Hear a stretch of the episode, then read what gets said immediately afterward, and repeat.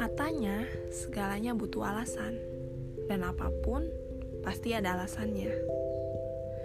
Saya tidak paham apakah dialog ini diperuntukkan untuk dirinya sendiri.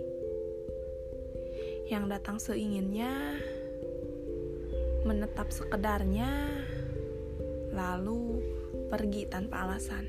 Tunggu, tunggu. Perlu digarisbawahi. Pergi tanpa alasan. Yang katanya segalanya butuh alasan.